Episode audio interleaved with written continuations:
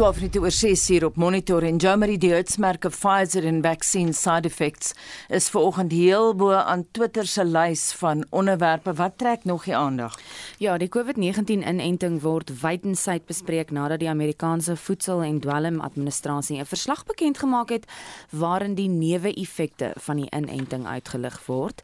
'n Ander nuusberig beeld oor Eskom se kommer oor die uitwerking wat Rusland se oorlog teen Oekraïne op sy bedrywighede kan hê. Vrese oor diesel en Oekraïne berig beeld. Dis ook waaroor Volksblad vanoggend berig, oorlog kan Eskom baie kos. Dan berig die burger verder oor vrese hier in Suid-Afrika wat uit die uh, oor uit die konflik spruit. Die opskrif so tref oorlog Wes-Kaap se boere. Op the Herald se voorblad, uh dis uit die Ooskaap, the Lil dragged into Fiery Bay SMME. Betogers van die plaaslike sake komitee het gister chaos in dele van die Nelson Mandela Bay Metro veroorsaak. Hulle is gegrief oor hulle nie by nuwe ontwikkelings betrek word nie. The Witness in KwaZulu-Natal berig oor 'n weerwaarskuwing vir die provinsie. Severe thunderstorms, hail and excessive lightning expected. Dan word beelde en video's oor die groen korridors in Oekraïne op sosiale media gedeel. Die hitsmerke daar War in Ukraine, Ukraine en Russia Ukraine War. Al Jazeera se nuuswebblad berig egter dat die ontruiming van vlugtelinge uit Mariupol gister onsuksesvol was. Een van die opskrifte lui ceasefire violated Daar word ook berig oor die toename in sanksies teen Rusland from McDonald's to TikTok why big brands are bailing on Russia en dan 'n ander opskrif lê US and UK ban Russian oil. En dan moet ons sê ons 6 uur bulletin op RSG het ook daarna verwys. Dit was Jomery met 'n sosiale en nuus media oorsig. Nou ons SMS vraag vanoggend is geskoei op kinders wat te veel huiswerk kry of kry hulle te veel huiswerk en hoeveel tyd bestee hulle aan daai huiswerk? Marlenae. Dit volg op gesprekke oor die kwessie op Spectrum gister waar Dr. François Nodee, hy's 'n onafhanklike onderwyskonsultant gesê het ouers het dalk 'n punt beet as hulle kla dat daar hopeloos te veel huiswerk gegee word. So dink jy dit behoort uit die onderwysstelsel geskraap te word? Hier's reeds 'n paar mense wat saamgesels. Ek is 78 jaar oud. Ons het ver geloop om 'n bus te kry om die skool uit te kom. So teruggekom het ons ons huiswerk doen. Ons is klaar, ons moet nog tuin maak en al daai dinge beeste melk. Nou, dit was dit te veel vir ons, you know, wat wat sou fout met die kindertjies van vandag? Ek het groot geword in 'n dorp in die Karoo. Ek het huiswerk gehad met 'n passie. Ons het so baie naskoolse aktiwiteite gehad wat gekoppel was aan die skool dat ons op die ou end baie kere eers 8 uur 9 uur in die aand by jou huiswerk uitgekom het. Ek het van 'n skaapplaas gekom en ons het eenvoudig geweier om huiswerk op naweke te doen. Want ons ouers het van ons verwag om op Saterdag en Sondag op die plaas plaaswerk te doen. Ons onderwysers het ook dit verstaan en meeste onderwysers het dan nie vir ons huiswerk gegee wat op die maandag moet klaar gewees het nie. Dit dan die mening van ons ouer luisteraars, maar as jy kinders het wat op skool is, as jy voel hulle kry te veel huiswerk en jy het nie tyd met hulle nie, laat weet ons en ook van die onderwysers, wat sê julle hieroor? Praat saam op WhatsApp, jy kan uh, dit vir ons stuur na 0765366961. Ons geniet julle stemme so vroeg in die oggend of stuur 'n SMS na 45889, dit gaan jou R1.50 kos. Jy kan natuurlik ook saamgesels op Monitor en Spectrum se Facebookblad. 'n Sportwetenskaplike aan die Universiteit Stellenbosch, Dr Nana Adom Aboye, sê die land se sportbeleid is vaag wanneer dit by die bemagtiging van vroue atlete kom. Sy sê die beleid maak voorsiening vir gelyke geleenthede en hulpbronne aan geslagte, maar verskaf nie besonderhede oor hoe dit bereik moet word nie. Sy het by 'n konferensie oor vroue in sport in die moederstad gepraat. Vincent Mofokeng het meer. Die Wes-Kaap wil die eerste provinsie in die land word om 'n beleid te implementeer wat spesifiek op vroue in sport fokus. Kenners sê 'n groot deel van befondsing word op 'n klein groep mans wat sportsoorte oorheers bestee. Nog minder beleggings en programme bestaan om vroueatlete te bemagtig. Dr Nana Adom Aboakye van die Universiteit Stellenbosch sê die heilige sportbeleide plaas vroue, persone met gestremthede en die jeug in dieselfde groepering. Adom Aboyaki sê dit is onaanvaarbaar aangesien elke groep unieke uitdagings het en benodig ander tipes befondsing soos vervat in die Verenigde Nasies se raamwerk vir gelykheid in sport. In policy, if you're saying treat women, youth, and persons with disabilities the same in sport, how can you do so when their needs are different, when their challenges are different? Die afgetrede Paralimpiese atleet, Andronay Weyers, het verlede jaar 'n goue medalje in die 400 meter by die Paralimpiese spele in Tokio, Japan verower. Weyers vra die owerheid om ondersteuningsstrukture te ontwikkel wat goeie atlete skep. You cannot win that medal and that gold or go to the Paralympic Games and achieve a high level if you don't have people that support the structure, your mental, your cognitive, your health, your mental health, um, physically, all those elements. Die Wes-Kaapse regering wil binnekort 'n beleid teen enige diskriminasie en om gelykheid in sport vir vroue te bevorder implementeer. Die provinsiale minister van sport, Andrew Maree Wat ons beoog is om gelykheid in vroue sport hê, veral ons vrou in sport, nie net in die programme nie, maar ook in administrasie en in in uh, ook in afrigting. Dat ons gelykheid het, dat ons 'n uh, respek het vir die vrou sowel as vir die man en dat daar 'n gemeen, jy weet dat ons mekaar respekteer, as ek dit so kan sê, die mans en die vrouens. En dan ook om ons jong meisies te laat glo in hulle self en te laat weet dat hulle belangrik is, dat hulle nie altyd terug te staan nie. Maar vroue in sport sê daar is steeds talle uitdagings om te oorkom. Die verslag van Thandi Swamau in Kaapstad. Ek as Vincent Mufokeng vir SAK nuus. En van geslagsgelykheid gepraat, vroue boere sukkel steeds om befondsing te kry om hulle projekte aan die gang te hou. Die nie-regeringsorganisasie, die Women on Farms projek, het nou 'n petisie geloods wat eis dat 'n welvaartbelasting op die rykste 1% van Suid-Afrikaners gehef moet word.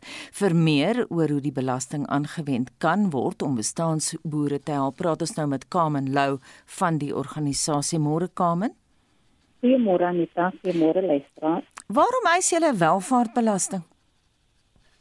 Ons volg ons eis die welvaartbelasting om die historiese ongelykheid aan te spreek, want 1% van die land se inwoners besit meer as 55% van die land se rykdom.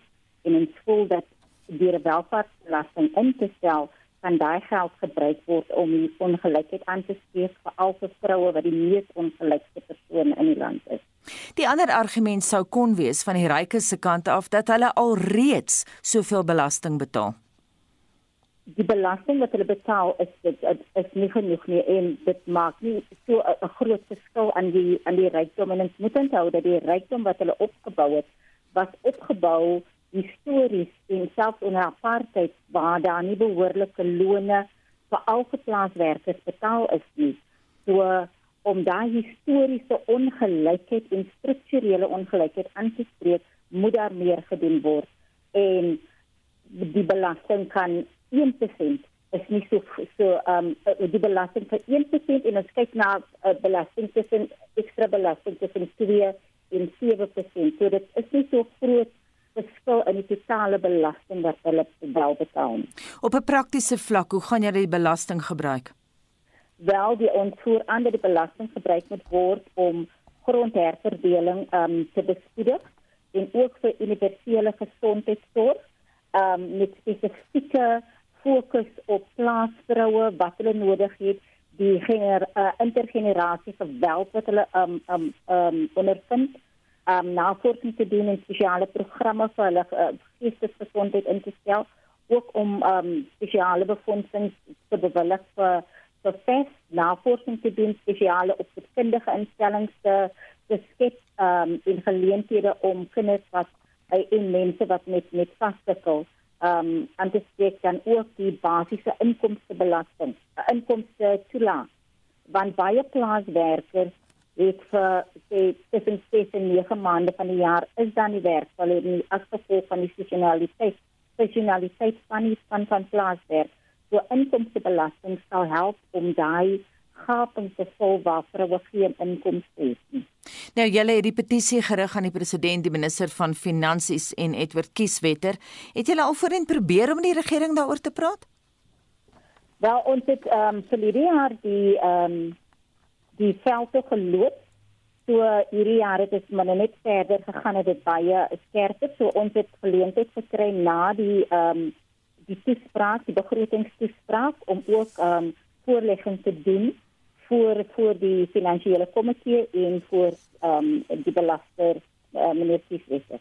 Net laasens die minimumloon is verhoog. Jou kommentaar daarop? Wel, vir uur is dit maar ver, verhoog met R1.50 en baie keer wanneer daar verhoging in minimumloon is, word vroue werkers se ure per dag verminder. So hulle kry baie minder uit en selfs al sou hulle volle dag werk, die geld wat hulle kry is nie genoeg die, die verhoging, die ekstra verhoging is nie genoeg om 'n brood te koop nie. Baie dankie Susie Carmen Lou van die Women on Farms projek.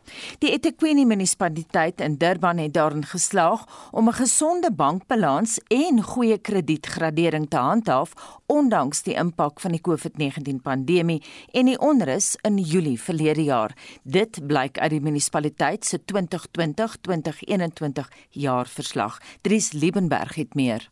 Na die aankondiging van streng grendelregulasies met die uitbreking van COVID-19, het die betaling van dienste geld van 95 tot 56% geval. Planne vir 7 miljard rand se buitelandse beleggings in die vervaardigingssektor het skibreek gelei. Sowat 20000 mense het hulle werk verloor en 1100 ondernemings het gesluit. Verlede jaar se onrus het die metro se ekonomie 20 miljard rand gekos. Die jaarverslag sê danksy korting op dienstegeld en projekte om die ekonomie te stimuleer, het die eThekwini Metro die jaar met 'n gesonde bankbalans en goeie kredietgradering afgesluit. Die munisipaliteit se finansiële hoofbeampte, Sandile Mguni, sê hulle het nou begin om noodleniging uit te betaal aan ondernemings wat deur die onrus geraak is.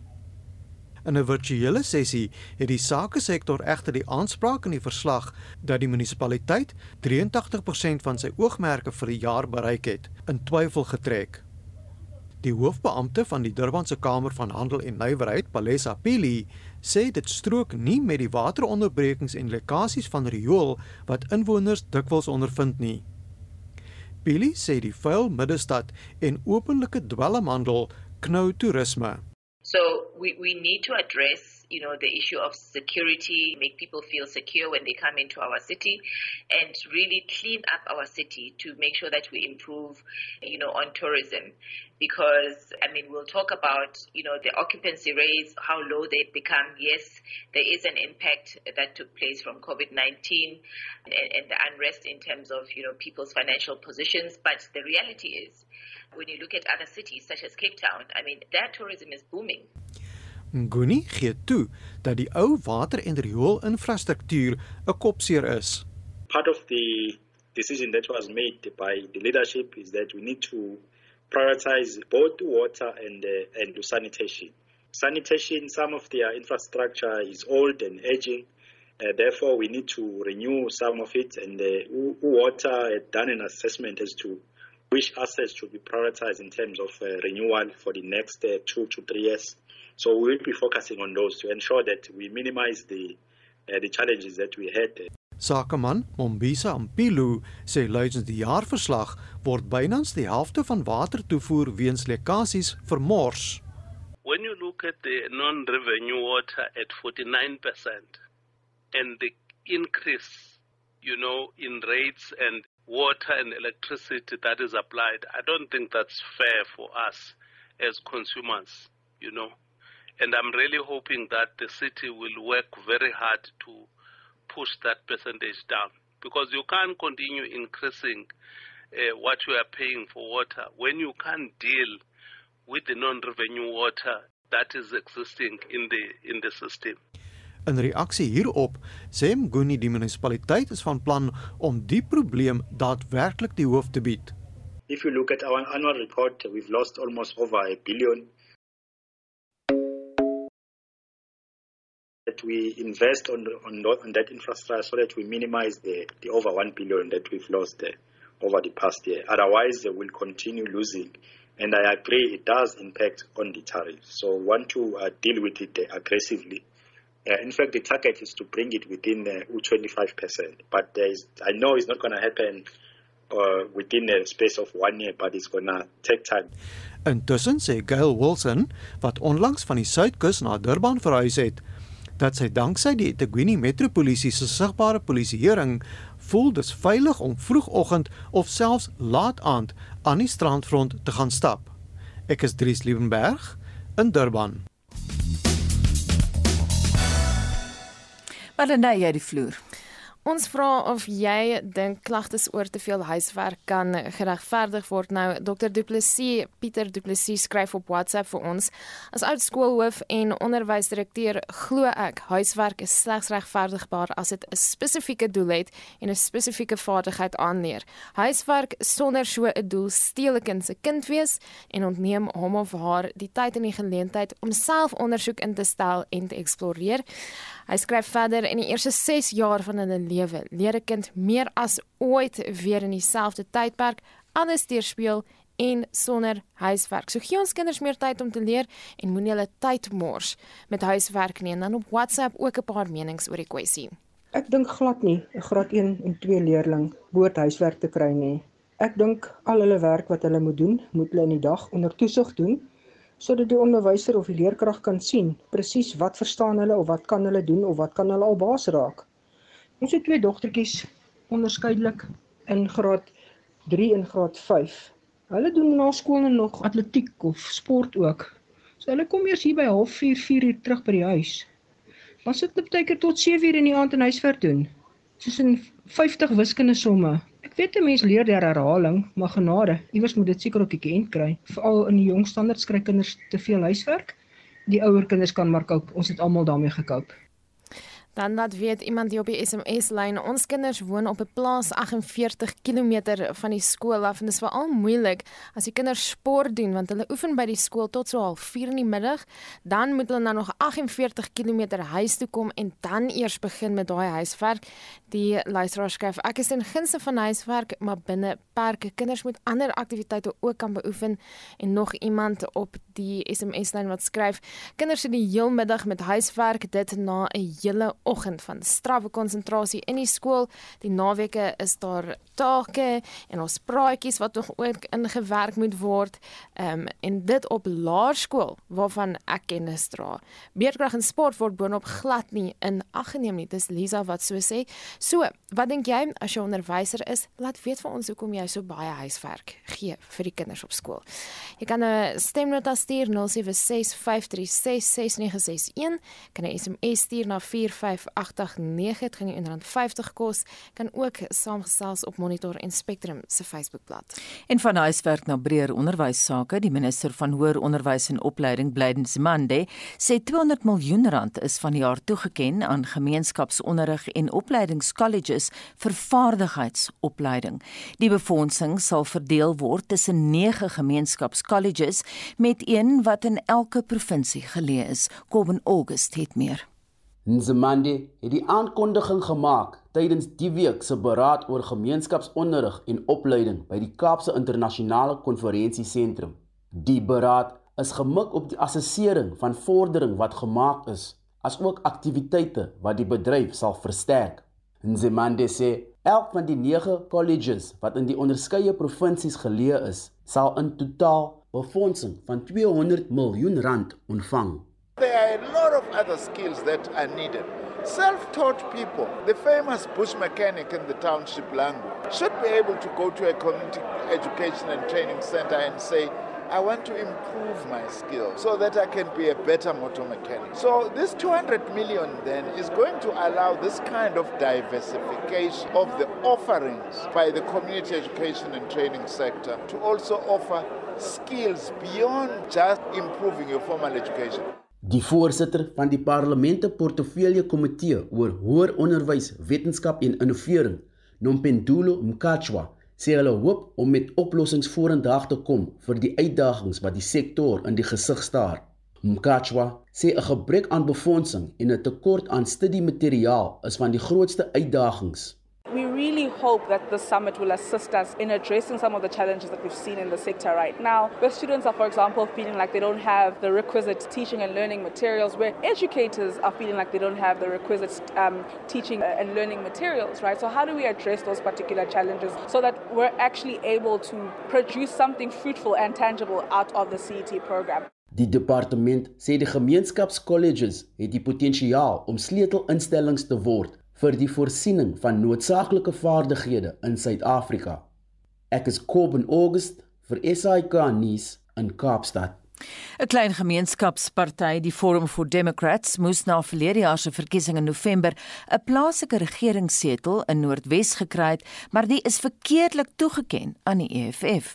Die saak draai nou donderdag in Mahikeng se Hooggeregshof en 'n pasgesigte nie-regeringsorganisasie, die Freedom Advocacy Network, oftewel FAN, dryf die saak en die man daar agter is Herman Pretorius, voormalig van die Instituut vir Rasseverhoudinge. Goeie Goeiemôre Herman. Goeiemôre Anita, dit is 'n vreugde om weer by julle aan te sluit. Herman, wat presies het gebeur? Wel, jy know, jy know November laas jaar is daar 'n verkiesing in klomp van die, in die munisipaliteite van die land en die plaaslike regerings en in die uh uh Zeres omgewing in die Ramotswere Moiloa uh, local municipality council of plaaslike regeringsraad is die EFF ses proporsionele setels toegeken omdat die uh, verkiesingskommissie ongelukkig 'n berekeningsfout gemaak het. Um hulle die EFF moes eintlik net 5 proporsionele setels kry en die Forum for Democrats die FFD moes een van daai proporsionele setels in die raad kry. Ten spyte van die FFD se pogings oor 'n maand lank om hierdie OVK kontak te maak, het hulle desperaat hulle self na fan toe gewend om te sê weet julle ons kort hulp en fan het met sy regspan ingetree en ons kon toe kry dat die OVK daai berekeningsfout erken en regstel aan die munisipaliteit. Maar nou 4 maande na die verkiesing is daai setel steeds in die hande van die EFF. Dis wat ten spyte van verskeie pogings van fan af om geregtigheid vir die FFD en hulle kiesers daarso in seeres te kry. Dis redelik drasties daarom dat die saak in die hof draai, Herman. Weet jy ons het regtig die hele proses probeer uh, benader van jy weet die tipiese klein stappies eerste, groot stappies laaste. Ons het uh, in Desember met die OVK gekorrespondeer. Hulle het hulle fout erken. Ons het deur Desember en Januarie met die munisipaliteit, met die spreker, met die munisipale bestuurder probeer kontak maak en elke keer het ons in 'n basiese doodloopstraat beland waar ons korrespondensie geïgnoreer is namens die FFD. So as mens kom by 'n punt waar die regverdigheid van verkiesingsuitslae, geen om hoe klein dit is, die beginsel is van enorme waarde tot ons demokrasie en hierdie beginsel verdien regtig om in die Hooggeregshof te draai.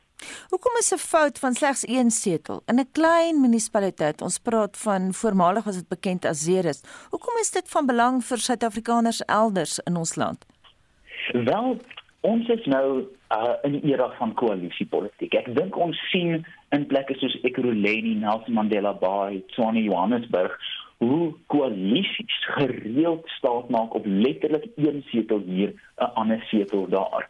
Hierdie is basies 'n toetsgeleentheid vir hoe hierdie tipe uh, ongeruimthede en foute reggestel kan word sodat Suid-Afrikaners wel daai demokratiese reg kan uitoefen om te sê weet jy politikus ek skop jou uit die amp waar jy was of ander politikus ek sit jou in die amp waar jy wou wees die beginsel dat een setel 'n verskil kan begin maak op plaaslike provinsiale en nasionale vlak ons betree nou daai werklikheid teen 'n stinkspoed wie betaal vir die hofsaak?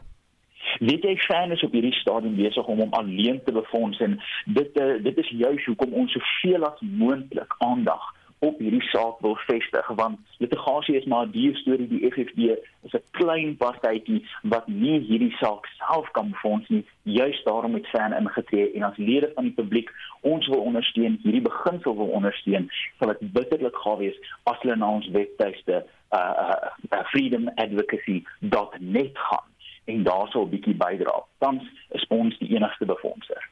Vertel ons meer van Fan. Weet jy Anita Fan is uh, gestig met die oog op 'n nuwe generasie Suid-Afrikaners want die data wys dat Suid-Afrikaners is nie die rasmal uh, sosialiste wat ons dalk gereeld hoor vanuit sekere politieke gehore en oorde nie. Maar die probleem is as ons gaan kyk na Suid-Afrikaanse jeug, is hulle toenemend minder en minder betrokke by die oplossings van ons land. En een van daai oplossingsgeleenthede is die demokratiese proses. So as ons kyk na 2024, na tussen verkiesings tussen nou en 2024, 2029 en munisipale verkiesings tussen daai twee nasionale verkiesings, is daar 'n baie sterk saak daarvoor te maak dat as die jeug nie begin opstaan en deel word van demokrasie en die stryd om vryheid binne demokratiese grense nie, dan het Suid-Afrika 'n groot probleem. So Franse fokus is doelbewus jeuggerig, doelbewus vryheidsgerig en ons maak dit so meer rassig as wat Suid-Afrika self is. So Franse missie is regtig om kyk na die probleme en om jeuggesentreerde jeugbelanghebendes by die proses te betrek om ons land se probleme nie net nou op te los nie, maar vir die volgende 10 20 jaar. Herman, jy praat van die land se probleme. Daar is so baie mense weet nie waar om te begin nie. Gaan julle fokus op verkiesingsfoute en regstellings? Dit is definitief een van ons vier kwessies waarop ons wil fokus.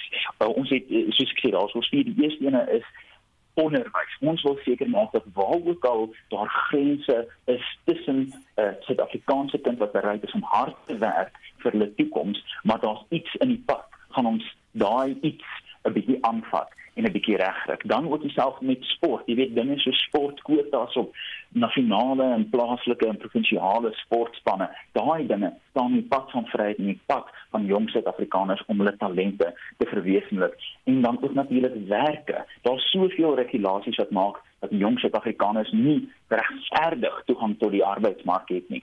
En dan verkiesings die groot tema. Dis amper die kleur waarmee jy verf of die lig waarby jy lees. As daai lig nie daar is nie, maak nie regtig saak watter boek jy in jou hand het. Herman, maar is daar nie al genoeg nie regeringsinstansies wat die soort sake dryf nie? Watter verskil kan julle nou spesifiek maak? Kyk, daar's ons ongelooflik baie goeie organisasies in Suid-Afrika. Ek dink dit is iets waarop ons vreemd genoeg kan trots wees as burgers dat waar regerings misluk, het nie regeringsorganisasies opgekom, gegroei en begin veg teen korrupsie, teen rasbeleid, teen die die mislukkings van dekades van regerings. Maar sien is 'n bietjie anders.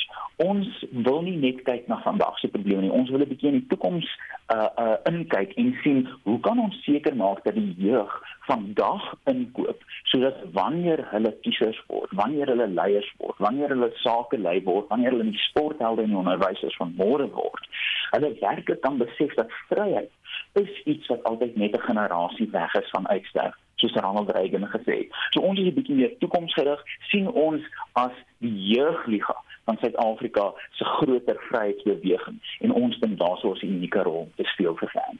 Baie dankie en soos Herman Pretorius, hy is die bedryfshoof en stigter van die Freedom Advocacy Network of terwyl fan. Die OVK wou nie gister kommentaar op die saak lewer nie omdat dit sub judice is en monitor kon nie die munisipale bestuurder Frans Mabukela aan die hande kry vir kommentaar nie. Daar is tans twee hofsaake in Den Haag aan die gang wat betrekking het op die oorlog in Oekraïne.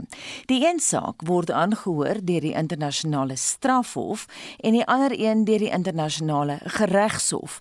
Vir meer hieroor praat ons nou met Dr. Mispa Roo van die Universiteit van Johannesburg se fakulteit regsgeleerdheid. Goeiemôre. Goeiemôre Anita. Mispa, hoekom twee verskillende howe vir dieselfde saak? Ehm um, die rede vir die twee, hulle kyk by dieselfde misdade ongeveer, maar die een hulle verskillende tipe van aanspreeklikheid waarna hulle kyk. Nou kom ons praat 'n bietjie oor daai aanspreeklikheid. Gee vir die leek die besonderhede. Goed, ek gaan my bes probeer. Dat die internasionale geregshof het Oekraïne die saak aanhange gemaak om vir Rusland, um, as gevolg van Rusland se aantuigings teen Oekraïne, dat hulle volksmoord pleeg. Oekraïne ontken dit en ehm um, beskuldig vir Rusland aan van volksmoord. So dit is 'n tipe van dis om die staat van Rusland beskuldig um, van iets en om 'n tipe van 'n uh, vergoeding te kry van die staat teen slagoffers byvoorbeeld.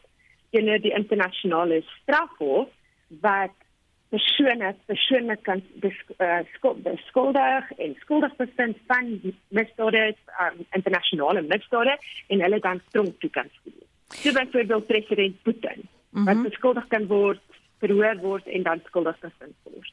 Nou ons praat op die oomblik van aantuigings nê, want niks is ja. nog bewys nie, nê, Mispa? Nee. Nee, nog nie. Wat het jy goeie verslag die um, die aanklaer praat van die internasionale strafhof van inligting wat hy het en daar sou goeie um, navorsing al gedoen, ondersoeke gedoen al op dit. So daar is goeie materiaal waarop hy um, daai baseer. Maar wanneer kan ons uitspraak verwag gegee die enorme bewysmateriaal wat nou benodig word? En gestel byvoorbeeld nou gestel Oekraïne verloor die oorlog die Russe vat oor daar hulle sluit eenvoudig die grense en jy kan geen inligting of bewyslas daar uitkry nie. Wat doen daai howe dan? Dit dit is een van die groot uitdagings vir um, howe wat uh, kyk na internasionale misdade wat nog steeds tydens 'n uh, konflik um, gebeur om presies dit te doen wat jy sê om ondersoek in te stel. Want dan is dit die, inligting is verskriklik moeilik moeilik om te bekom. So hulle moet uh, basies hulle inligting moet kry met die samewerking van ander state, as hulle slagoffers het, ooggetuies, daai tipe van goed. Dis selfs die ehm um, verslaggewers, joernaliste wat nou heidaglik in Oekraïne is. Hulle kan byvoorbeeld ook getuies word. Mm dit is verskriklik moeilik daar en en en um, kyk die met die internasionale um, geregshof hoe vinnig kan ons uitspraak daar verwag ek dink met voorlopige maatreëls wat Oekraïne nou gevra het ek dink dit sal redelik vinnig kom want die hof het ook gesê maandag dat dit is so dit is verskriklik dringend en hulle gaan verskriklik dringend optree. Maar ek moet ook by sê Rusland het nie eens opgedaag nie. Hmm. Kan dit eers opgedaag om hulle self te stel nie. Dis hoe dis hoe min respek hulle het vir die geding. Maar dan moet dit ook ja. gesê word mispa dat uh, Oekraïne en Rusland het nooit die statuut van Rome onderteken nie. So watter jurisdiksie nee. het hierdie howe dan oor hulle? Goed, dit word nie te tegnies raak nie, maar die internasionale strafhof, daar's verskillende maniere hoe hulle 'n um, saak kan ondersoek en hulle jurisdiksie daaroor kan uitoefen wat hier gebeur het al in 2013, 2014, het die hoofaanklaer van die internasionale strafhof begin met 'n ondersoek. En dit so dit op daai manier en toe hierdie gebeure nou ontvou, het hy gesê hoor jy baie gaan makliker maak hy redelik geskimp in sy um stelling. Hy het gesê wat dit gaan sy daar baie makliker gaan maak as as state dit verwys na die internasionale strafhof dan kan hy dadelik met sy werk begin. Dit was al 39 state wat dit verwys het. Binne daar. So dit is wat dit eh, dit so daai proses is vinnig aan die gang. Maar kyk, ehm um, en met my asseblief stop as ek te tegnies raak. Ehm um, die dit gaan 'n selfde tipe van situasie soos wat ons gesien het met Sudan met hmm. uh, president al-Bashir wat daai aan um, my daar's 'n lasbrief uit te sy arrest, hy is beskuldig van volksmoord, misdade teen die mensdom, oorlogsmisdade maar hy het nog steeds nie voor die hof verskyn nie en hy is nog steeds in Sudan. En dit is sit in die tronk, maar hy sit in die tronk vir volksmoord. Mm. Dis nou juist ja. wat ek wil vra, hoeveel nut het hierdie ja. uitsprake dan byvoorbeeld hoewe jy het nou self verwys na die feit dat die ritse nie opgedaag het hierdie week nie. Ja. Wat se nut ja. het 'n uitspraak dan deur so hof? Daar's duidelike minagting van Rusland se kant af. Ja, absoluut. Die ehm um, projek van eh uh, die net vir die slagoffers. Ja. Ja, en dit is 'n verskriklike moeilike ding met enige misdaad. Ek dink selfs as jy in Suid-Afrika kyk, as iemand van moord beskuldig word, die persoon wat dood gegaan het, kan nie teruggebring word nie. Selfs al sit iemand in die tronk. Ehm um, dit is tog jy kan nie niks doen nie. Die feit dat daar aan dat hierdie misdade dat daar 'n baie sterk poging is om vir Rusland al dan nie ehm um, Putin en sy ministers aan um, skuldig te, te beskuldig daarvan en hulle uiteindelik voor 'n hof te bring. Dit het 'n vir my dit 'n baie groot waarde vir die slagoffers. Vir die slagoffers mm. om vir hulle gereg te laat skiet, maar ook vir hulle menswaardigheid. En vir hulle te sê hoe die ons erken, ons sien wat het met julle gebeur. Dit is verskriklik erg. Baie dankie en so sê Dr. Misparu van die Universiteit van Johannesburg se fakulteit regsgeleerdheid. En ons praat vanoggend oor uitgestresde kinders en dit alles oor te veel huiswerk. Wat 'n soort terugvoer is daar Marlene? Heel uiteenlopende terugvoer. Jy kan hoor as jy so na ons luisteraars op WhatsApp luister. Dis werk weg wat by die kinders. Want weet jy wat, nou kom die kinders met die bus hier by die huis aan en dan moet hulle begin huiser en dan sal skielik load shedding. Dan sit vir ure of daai arme kinders kom nie by al die werk uit nie. En watter kind kan in Kerslig sy huiswerk doen? Ek dink die ouers is dalk die rede hoekom ons jonger generasie vandag te lei is. Die feit dat hulle kla oor die kinders te veel huiswerk kry, is dalk die rede hoekom 'n kind vandag nie meer wil werk nie. 'n klomp jong seuns wat ek aanstel in die landboubedryf is geneig om nie te wil werk nie, maar te dink hy's 'n bestuurder. Hy wil in 'n bakkie sit. Hy wil kyk hoe werk die ander en ek dink daai ding moet geleer word van 'n jong ouderdom af en dit begin by huiswerk. Hy moet by die huis kom in die môre en hy moet gaan sit en hy moet sy huiswerk doen want dit leer hom dissipline en dit leer hom om eienaarskap te vat van werk. Ek is 'n onderwyseres en huiswerk is noodsaaklik. Die inoefening van die skoolwerk elke dag is baie belangrik vir elke kind. Want naweke kan hulle rus, maar elke dag se inoefening van die skoolwerk is baie belangrik. Ek is self van die onderwys. Ehm um, die nut van huiswerk is om te assesseer en te evalueer wat die kind die vorige dag in die klas ontvang en onderrig is of hy dit verstaan en om so dan doen dit dan op 'n kontinuerlike basis te verseker dat die kind die werk deurlopend verstaan veral in 'n vak soos wiskunde. Die probleem ongelukkig is dat kinders oorgeassesseer word en dat daar glad nie meer tyd is om huiswerk ook in te werk in die skoolprogram nie. Ek persoonlik gee glad nie huiswerk nie want kinders het nie die tyd nie. Hulle doen te veel assesserings. Dit is absoluut absurd. Kinders moet slim geonderrig en geleer word. Hulle kan nie slim geassesseer word nie. Dan is nou iemand wat skryf die kinders se huiswerk is so baie daar's aande wat ons 10 uur gaan slaap. Ons kry nie eers kans om lekker te gesels oor hoe die dag by die skool was nie. Nog iemand wat sê ons het 'n uitstekende juffrou maar die standaard van die kurrikulum is te hoog Ek het 'n tydlimiet opgestel en as my kinders nie alles klaar het nie, is dit so. Ons werk 2 tot 2 en 'n half ure in die middag. Hulle kom eers half 3 tuis en ek wonder regtig hoe ouers wat heeldag werk regkom. As ek dink 1990 tot 2000 het ons nog gespeel op laerskool, nou het kinders nie meer tyd nie. Jy kan later weer met ons gesels hieroor. Intussen bly ingeskakel want 10 oor 7 praat ons met twee kenners, een van die Universiteit Stellenbosch en die ander een van Noordwes Universiteit oor die saak van te veel huiswerk en dit bring ons by 7 uur.